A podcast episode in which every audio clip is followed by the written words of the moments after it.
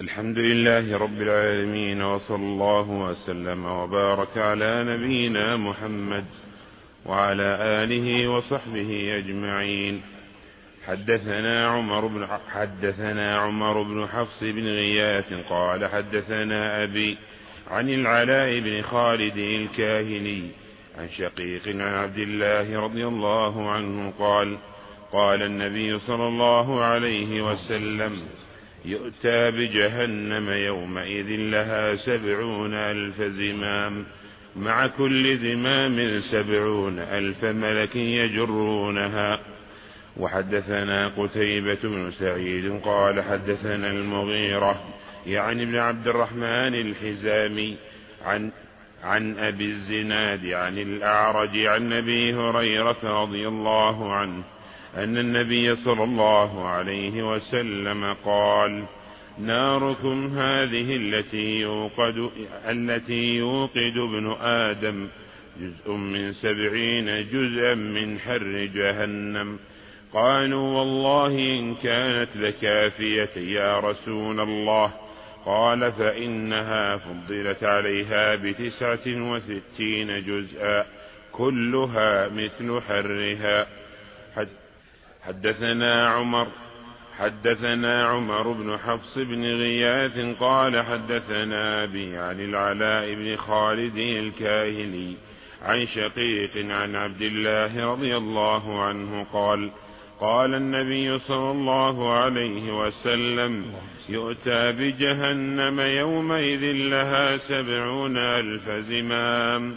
مع كل زمام سبعون ألف ملك يجرونها. وحدثنا قل صلى الله وبارك على عبد الله وسلم محمد وآله وصحبه أجمعين أما بعد. فهذا الحديث في بيان أن جهنم والعياذ بالله تبرز يوم القيامة. كما قال الله تعالى وبرزت الجحيم الغاوين والنار في أسفل السافلين. ثم تسجر البحار يوم القيامة وتكون جزءا من النار وتبرز. وبرزت الجحيم الغاوين وبرزت الجحيم لمن يرى فيؤتى بها لها سبعون ألف زمام مع كل ألف سبعون ألف ملك يجرونها مع كل زمام سبعون ألف سبعين في سبعين ألف وأربعمائة ألف ألف وأربعمائة ألف ملك كلهم يجرونها نسأل الله السلامة والعافية نعم حدثنا قتيبة بن سعيد قال حدثنا المغيرة يعني ابن أبي يعني ابن عبد الرحمن الحزامي عن أبي الزناد عن الأعرج عن أبي هريرة رضي الله عنه أن النبي صلى الله عليه وسلم قال ناركم هذه التي يوقد ابن آدم جزء من سبعين جزءا من حر جهنم. قالوا والله إن كانت لكافية يا رسول الله. قال فإنها فضلت عليها بتسعة وستين جزءا كلها مثل حرها. نسأل الله السلامة والعافية. هذا يدل على أن الحر عظيم.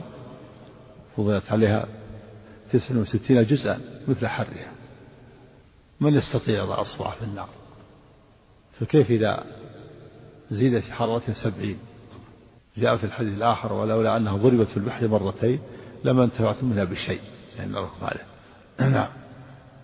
حدثنا محمد بن رافع قال حدثنا عبد الرزاق قال حدثنا معمر عن همام بن منبه عن أبي هريرة رضي الله عنه عن النبي صلى الله عليه وسلم بمثل حديث أبي الزناد غير أنه قال كلهن مثل حرها حدثنا يحيى بن أيوب قال حدثنا خلف بن خليفة قال حدثنا يزيد بن كيسان عن أبي حازم عن أبي هريرة رضي الله عنه قال كنا مع رسول الله صلى الله عليه وسلم.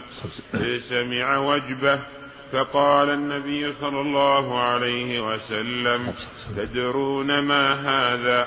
قال قلنا الله ورسوله أعلم. قال هذا حجر رمي به في النار منذ سبعين خريفا فهو يهوي في النار الآن. حتى انتهى إلى قعرها. وهذا يدل على أن على أن النار لها عمق وأن قارها شديد. حجر رمي به منذ سبعين سنة فلم يصل إلى قعرها إلا منذ سبعين سنة وهو يهوي. مسافة عظيمة لا حول ولا قوة. سمع صار وجبة يعني سقطة صوت سقطة. فقال أتدرون من هذه الوجبة شيء سقط. قالوا الله ورسوله أعلم. فيه أنه يقال في حياة النبي صلى الله عليه وسلم الله ورسوله أعلم. لأن الله يطلعه من غيبه ما شاء. أما بعد وفاته عليه الصلاة والسلام فيقال الله أعلم. لأنه لا يعلم أحوال أمته عليه الصلاة والسلام. قال هذا حجر قم به منذ سبعين خريفا. هو الخريف فصل من فصول السنة. الخريف والربيع والشتاء والصيف. والمراد والمراد به السنة العام. يطلق الخريف على العام. يعني منذ سبعين عاما. فهو الآن وصل إلى قاعدة نسأل الله السلامة والعافية. قعرها عميق. نعم. وحدثناه محمد بن عباد وابن أبي عمر قال حدثنا مروان عن يزيد بن ابن كيسان عن أبي حازم عن أبي هريرة رضي الله عنه بهذا الإسناد وقال هذا وقع في أسفلها. هذا وقع في أسفلها فسمعتم وجبتها.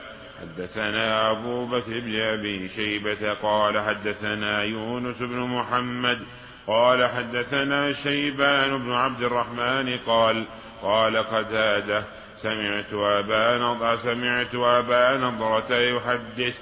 عن سمرة رضي الله عنه أنه سمع نبي الله صلى الله عليه وسلم يقول إن منهم من تأخذه النار إلى كعبيه ومنهم من تأخذه إلى حجز إلى حجزته ومنهم من تأخذه إلى عنقه. حدثنا عمرو بن زرارة قال أخبرنا عبد الوهاب عن ابن عطاء عن سعيد عن قتادة رضي الله عنه قال سمعت أبا نضرة يحدث عن سمرة بن جندب رضي الله عنه أن النبي صلى الله عليه وسلم قال منهم من تأخذه النار إلى كعبيه ومنهم من تأخذه النار إلى ركبتيه ومنهم من تأخذه النار إلى حجزته ومنهم من تأخذه النار إلى ترقوته. وحدثنا وهذا هو المؤمن العاصي. هذا المؤمن العاصي منهم من تأخذه النار إلى إلى كعبة ومنهم تأخذ النار إلى ركبته ومنهم تأخذ النار إلى حجزته وهو معقد الإزار ومنهم تأخذه النار إلى ترقوته وهو الكتف على حسب الأعمال. على حسب الأعمال السيئة. وأما الكافر فإن النار تغمره وتصلح من جميع الجهات نعوذ بالله. كما قال كما قال الله تعالى لا يصلح إلا الأشقى. الذي كذب وتولى. وقال سبحانه لهم من جهنم بهاد ومن فوقهم غواش فراش وغطاء. قال تعالى إن الذين كفروا بآياتنا سوف نصليهم نارا. كلما نضجت جلودهم بدلناهم جلودا غيرها ليذوقوا العذاب. فالكافر تصلح من جميع الجهات من فوقه ومن تحته. المصلي هو الذي تغمره النار من جميع الجهات. أما العاصي المؤمن الوحيد العاصي هو الذي تأخذه النار إلى كعبة أو إلى ركبته أو إلى حجزته أو إلى ترقوته على حسب الأعمال. نسأل الله السلامة والعافية. نعم. حدثناه محمد بن المثنى ومحمد بن بشار قال حدثنا روح قال حدثنا سعيد بهذا الإسناد وجعل مكان حجزته حقويه. حدثنا ابن أبي عمر قال حدثنا سفيان عن أبي الزناد عن الأعرج عن أبي هريرة رضي الله عنه قال قال رسول الله صلى الله عليه وسلم احتجت, احتجت الجنة والنار فقالت هذه يدخلني الجبارون والمتكبرون وقالت هذه يدخلني الضعفاء والمساكين فقال الله عز وجل لهذه أنت عذابي أعذب بك من نشاء. وربما قال أصيب بك من نشاء. وقال لهذه أنت رحمتي أرحم بك من نشاء. ولكل واحدة منكما ملؤها. وحدثني محمد بن رافع قال حدثنا شبابه قال حدثني ورقاء عن أبي الزناد عن الأعرج عن أبي هريرة رضي الله عنه عن النبي صلى الله عليه وسلم قال تحاجت النار والجنة فقالت النار فقالت النار أثرت بالمتك أوثرت. أوثرت بالمتكبرين والمتجبرين. وقالت الجنة ما لي يدخلني إلا ضعفاء الناس وسقطهم وعجزهم. وعجزهم. وعجزهم. فقال الله للجنة أنت رحمتي يرحم بك من نشاء من عبادي. وقال للنار أنت عذابي أعذب بك من نشاء من عبادي. ولكل واحدة منكم ملؤها. فأما النار فلا تمتلئ فيضع قدمه عليها فتقول قط قط فهنال فهنالك تمتلئ ويزوى بعضها إلى بعض. حدثنا وهذا الجنة أهلها الضعفاء والمساكين هذا وصف أغلبي. الغالب أن الجنة وصفها أهلها الضعفاء والمساكين لأنهم هم الذين لأنهم لا مانع عندهم من الإيمان هم الذين يستجيبون للرسل وينقادون لشرع الله ودينه لأن ليس عندهم مانع يمنعهم لا من الأموال ولا من الجاه ولا من السلطان. وإلا فالجنة يدخلها بعض الأغنياء بعض الأغنياء بعض الملوك والرؤساء. والأنبياء كداود وسليمان وذي القرنين وأغنياء الصحابة كأبي بكر وعثمان عبد الرحمن عوف وغيرهم من أغنياء الصحابة. وإن كانوا أغنياء لا. إلا أنهم آمنوا بالله ورسوله وأنفقوا مما أعطاهم الله وجوه الخيرات. هذا وصف الأغلبي الغالب أن الضعفاء هم أتباع الرسل وقد يتبعهم وقد يتبعهم بعض الأغنياء الموفقين. لكن هذا الأغلبي وكذلك النار أهلها الجبارون والمتكبرون. هذا وصف الأغلبي أيضا لأن الغالب أن الكفرة هم الذين لا يستجيبون الجبارون والمتكبرون والكبراء لا يستجيبون للرسل يمنعهم ما عندهم من الأموال ومن الجاه. ومن السلطان من الانقياد للرسل. وقد يدخل النار من الضعفاء الذين كتب الله عليهم الشقاوة مستكبرين يدخل النار وهم ضعفاء بسبب كبرهم وعدم قبولهم الحق وعدم انقيادهم لما جاءت به الرسل. نعم. وفي إثبات القدم لله عز وجل أن النار لا تنتلي حتى يضع فيها رب العزة قدمه وفي لفظ رجله في إثبات القدم والرجل لله عز وجل كما وهي صفة من صفاته كما يليق بجل الله وعظمته. والحديث على ظاهر أن الله تعالى أن النار لا تمتلي إن الله تعالى وفيه أن الله تعالى وعد الجنة والنار بملئهما كل كل من الجنة والنار بملئها. فالنار موعودة بملئها والجنة موعودة بملئها. أما الجنة فلا تمتلئ يبقى فيها فضل فينشئ الله خلقا يخلقهم ويدخلهم الجنة. وأما النار فلا تمتلئ حتى يضع فيها رب العزة قدمه. فعند ذلك تمتلئ وينزل بعضها لبعض وتقول قط قط وفي قط قط يعني حسبي حسبي. في إثبات القلم لله عز وجل والرد على من تأوله. النووي تأوله وغيره من تأويلات باطلة وأن القدم والرجل وأنه جماعة من الناس كل هذا من أبطال الباطل. أو أن الحديث ليس على ظاهره بل هو على ظاهره والله تعالى يضع قدمه فيها على وجه يليق بجلاله وعظمته. والله تعالى لا يضره خلقه. لا المخلوق لا يضر الخالق لا يضر واحد من خلقه. فالجنة يبقى فيها فضل ينشئ الله لها أقواما. فيدخل الجنة وأما ما جاء في بعض الأحاديث وأما النار فيبقى فيها فضل فينشئ الله قوما يخلقهم ويدخلهم النار. هذا هذا انقلاب. هذا انقلاب من بعض الرواة. هذا خطأ غلط في بعض الرواة انقلب على بعض الرواة. والله تعالى لا يعذب أحدا بغير جرم. وإنما هذا في الجنة يبقى فيها فضل ينشئ الله خلقه ويدخلهم الجنة. أما النار فلا ينشئ الله خلقه ويدخلهم النار. إن الله تعالى لا يعذب أحدا بغير جرم. لكن هذا خطأ من بعض الرواة وانقلاب انقلب على بعض الرواة فظن أن النار هي التي ينشئ الله لها خلقا. وإنما هذا في الجنة. نعم. هذا القدسي. يمكن حديث آخر القدس نعم جاء بألفاظ. الأقرب أنه باللفظ والمعنى قد يكون اشتبه اشتبه اللفظ على بعض بعض الرواة وقد يكون هذا حديث آخر هذا اللفظ. نعم.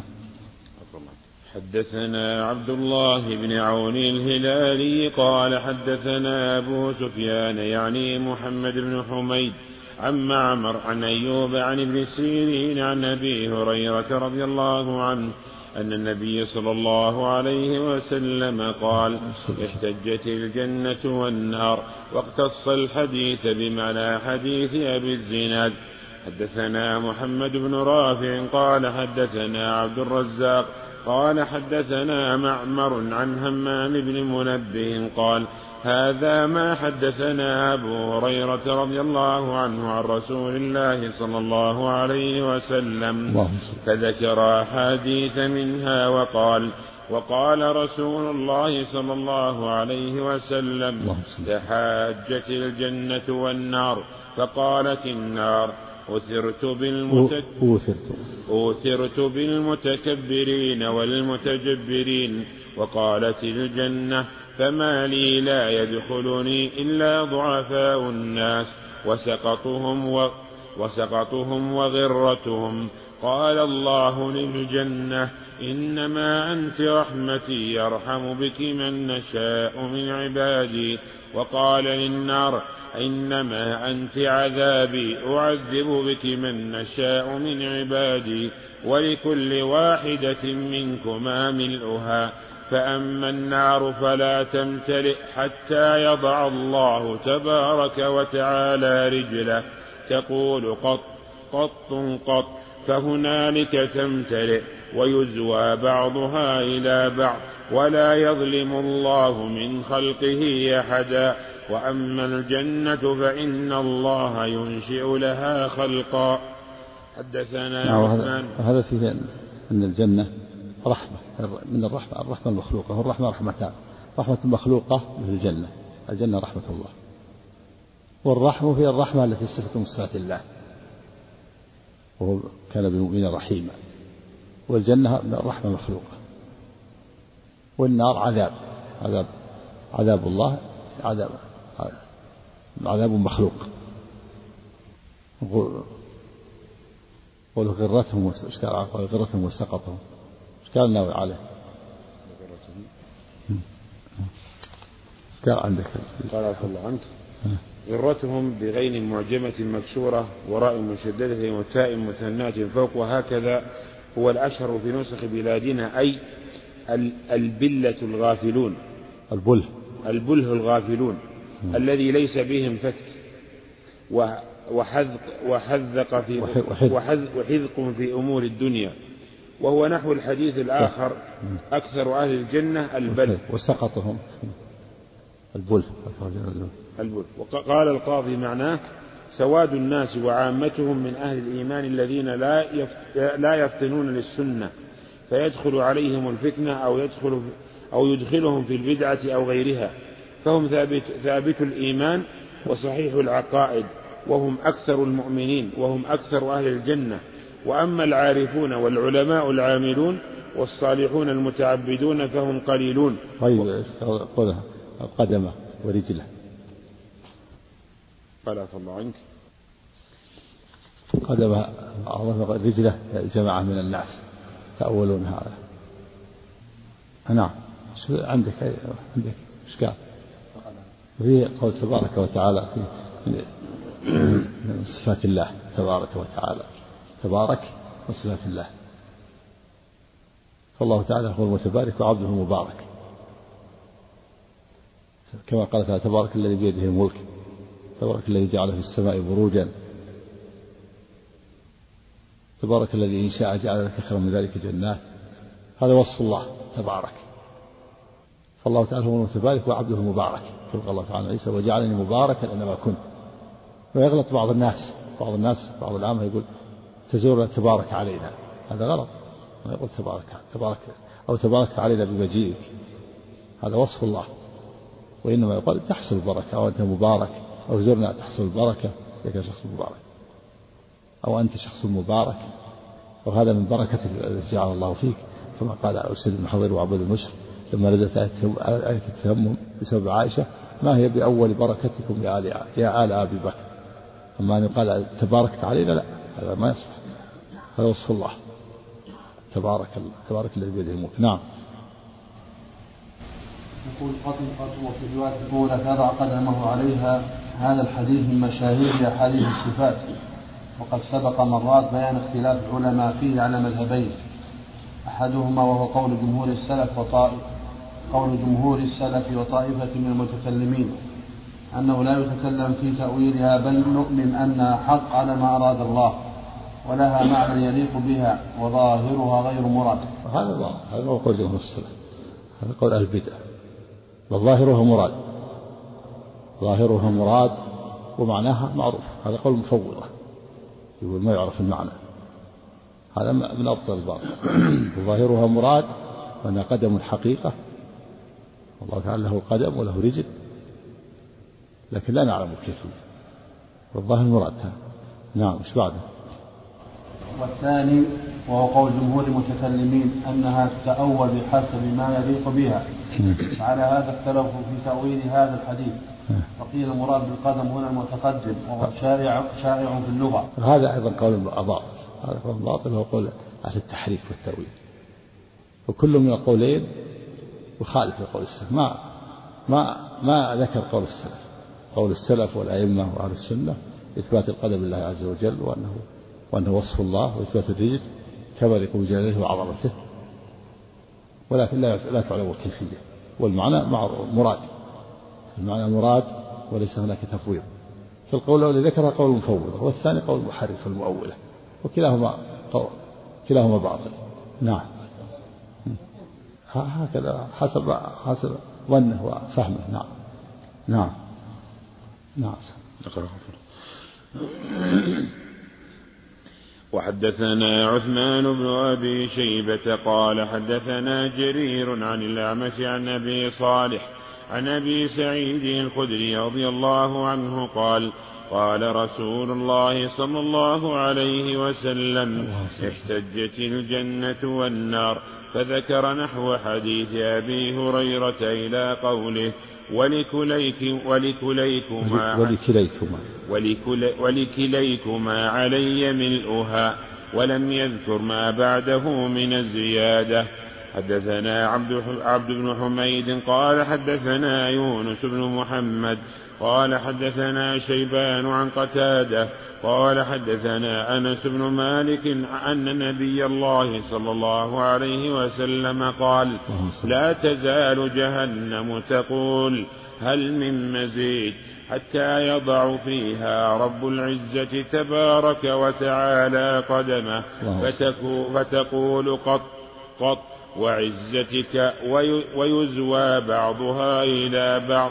وقول قط يعني رؤية قط قط بإسكان الطاء قطن ومعنى حسب الحسب يكفيني من ثلاث. وعزتك هذا قسم قسم من النار أقسمت بعزة الله وعزة الله صفة من صفاته هي القسم بعزة الله. كما قال تعالى النبي صلى الله عليه وسلم قال فبعزتك لأولنها أجمعين. وفي قول الرجل الذي هو آخر أهل النار دخولا منها وعزتك لا أسألك غيرها.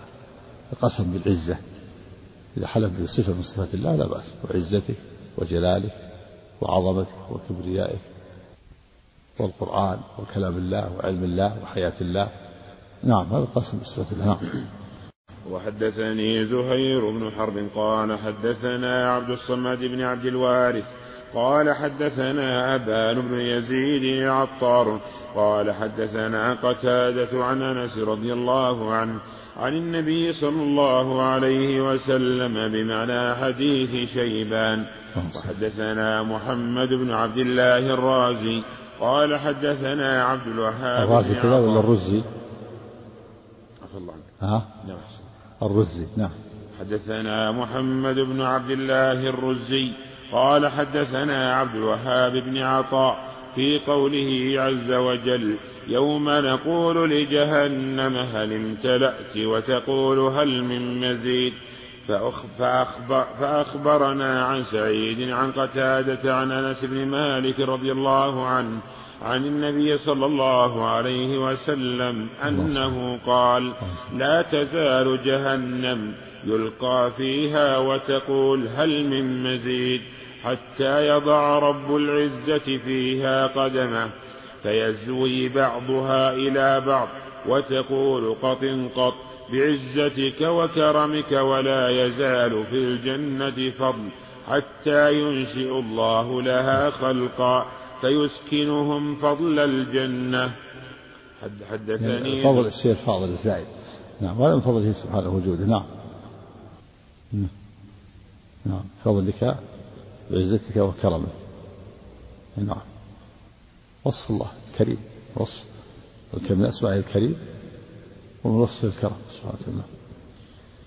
حدثني زهير بن حرب قال حدثنا عفان قال حدثنا حماد يعني بن سلمة قال أخبرنا ثابت قال سمعت أنس رضي الله عنه يقول عن النبي صلى الله عليه وسلم قال يبقى من الجنة ما شاء الله أن يبقى ثم ينشئ الله تعالى لها خلقا مما يشاء. حدثنا أبو بكر بن أبي شيبة وأبو كريب وتقاربا في اللفظ قال حدثنا أبو معاوية عن الأعمش عن أبي صالح عن أبي, عن أبي سعيد قال قال رسول الله صلى الله عليه وسلم يجاء بالموت يوم القيامة كأنه كبش أملح زاد أبو كريب. فيوقف بين الجنة والنار. واتفقا في باقي الحديث فيقال يا أهل الجنة هل تعرفون هذا؟ فيشرئبون وينظرون ويقولون نعم هذا الموت. قال ويقال لأهل النار هل تعرفون هذا؟ قال فيشرئبون وينظرون ويقولون نعم هذا الموت. قال فيؤمر به فيذبح. قال ثم يقال يا أهل الجنة خلود فلا موت ويا أهل النار خلود فلا موت. قال ثم قال نعم. قال ثم قرأ رسول الله صلى الله عليه وسلم. وأنذرهم يوم الحسرة إذ قضي الأمر وهم في غفلة وهم في غفلة وهم لا يؤمنون. وأشار بيده إلى الدنيا. قل يشربون أن يطلعون يشربون؟ في أن الله تعالى جعل فيهم معرفة معرفة النار أهل الجنة وأهل النار معرفة الموت. شاء الله في معرفة. هل تعرفون هذا؟ يقول نعم. يشربون يطلعون هذا الموت. يتابع على صوت كبش فيذبح بين الجنة اللي يذبح الموت وليس ملك الموت. والله تعالى قادر على جعل الموت وإن كان شيء معنويا جسما جعله الله جسم شاء يعني كبش. جعل صوت كبش يذبح بين الجنة والنار. فيزداد أهل الجنة نعيما إلى نعيمهم ويزداد أهل النار حسرة إلى حسرة يقال لأهل الجنة خلود ولا موت. ويا أهل النار خلود وأنذرهم يوم الحسرة يوم الحسرة هنا هنا إذا يتحسر الكفار ويزداد الحسرة إلى حسرة قضي الأمر. قضي الأمر. المقدر وفرغ منه. نعم. حدثنا عثمان بن أبي شيبة قال حدثنا جرير عن الأعمش عن أبي صالح عن أبي سعيد رضي الله عنه قال قال رسول الله صلى الله عليه وسلم اللهم صل إذا أدخل أهل الجنة الجنة وأهل النار النار قيل يا أهل الجنة ثم ذكر بمعنى حديث أبي معاوية غير أنه قال فذلك قوله عز وجل ولم يقل ثم قرأ رسول الله صلى الله عليه وسلم ولم يذكر أيضا وأشار بيده إلى الدنيا حدثنا زهير بن حرب والحسن بن علي الحلواني وعبد بن حميد قال عبد أخبرني وقال الآخران حدث قال الآخران حدثنا يعقوب وهو وهو ابن إبراهيم بن سعد قال حدثنا أبي عن صالح قال حدثنا نافع أن عبد الله قال أن عبد الله رضي الله عنه قال أن إن رسول الله صلى الله عليه وسلم قال يدخل أهل يدخل الله أهل الجنة الجنة ويدخل أهل النار النار ثم يقوم ثم يقوم مؤذن بينهم فيقول يا أهل الجنة لا موت ويا أهل النار لا موت كل خالد فيما هو فيه. حدثني هارون بن سعيد الأيلي وحرملة بن يحيى قال حدثنا ابن وهب قال حدثني عمر بن محمد بن زيد بن عبد الله ابن عبد الله بن عمر بن الخطاب أن أباه حدثه عن عبد الله بن عمر رضي الله عنهما أن رسول الله صلى الله عليه وسلم قال إذا صار أهل الجنة إلى الجنة وصار أهل النار إلى النار أوتي بالموت حتى يجعل بين الجنة والنار ثم يذبح ثم ينادي مناد يا أهل الجنة لا موت ويا أهل النار لا موت. فيزداد أهل الجنة فرحا إلى فرحهم ويزداد أهل النار حزنا إلى حزنهم. حدثني سريج بن يونس قال حدثنا حميد بن عبد الرحمن عن الحسن بن صالح عن هارون بن سعد عن أبي حازم عن أبي هريرة رضي الله عنه قال قال رسول الله صلى الله عليه وسلم برس الكافر أو ناب الكافر مثل أحد وغلظ جلده وغلظ وغلظ, وغلظ جلده مسيرة مسيرة ثلاث.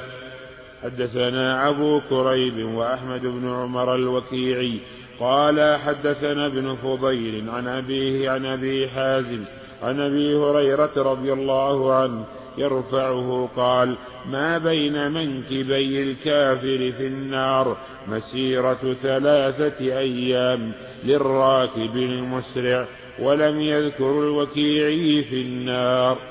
وهذا يدل على أن الكافر تعظم خلقته وجثته يوم القيامة حتى يعذب فضرسه يكون مثل أحد وغلظ جلده يعني كثافة الجلد مسيرة ثلاثة أيام. وما بين منكبيه ما بين الكتفين يسير الراكب وجد السير ثلاثة أيام ما يقطعها. فدل على أن الكافر يعظم تعظم خلقته وجثته حتى يزداد عذابه نعوذ بالله. نسأل الله السلامة والعافية.